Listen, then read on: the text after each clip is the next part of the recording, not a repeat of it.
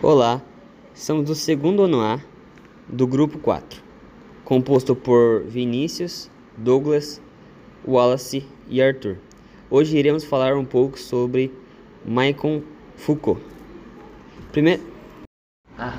Primeiramente, antes de falarmos sobre a teoria de Michael Foucault, iremos contar um pouco de sua história.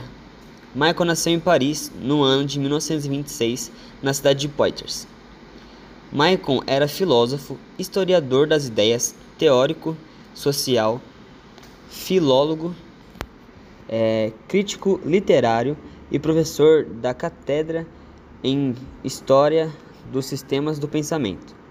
Michael morreu no dia 25 de julho de 1984, vítima de AIDS. No texto do Panoptico está implícita a ideia da vigilância, que pode ser utilizada no lugar da punição, e que no texto é representada como a torre que vigia as celas de prisioneiros e uma visão em que as pessoas não conseguem ver quem está na torre, causando uma pressão psicológica que pode prevenir a utilização da punição. No livro 1984 pode ser visto essa teoria em prática com a grande tela, que observa todas as pessoas, invadindo a sua privacidade e controlando a sociedade. Com isso, as próprias pessoas da sociedade começam a se denunciar ao governo, tornando quase impossível burlar o sistema.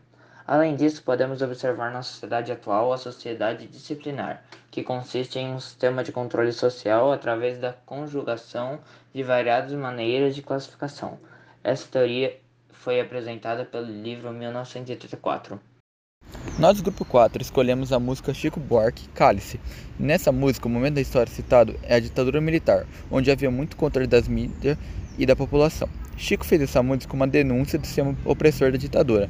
Podemos assimilar a teoria de Foucault com a ditadura, onde tinha um sistema manipulador e vigiante, podendo ser relacionada à teoria do vigiar e polir.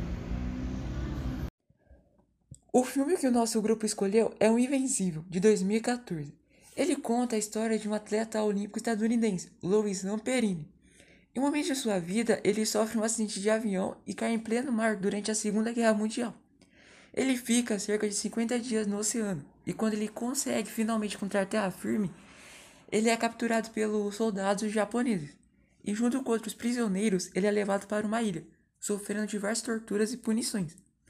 Claramente é possível observar a doutrinação e também a punição bem séria.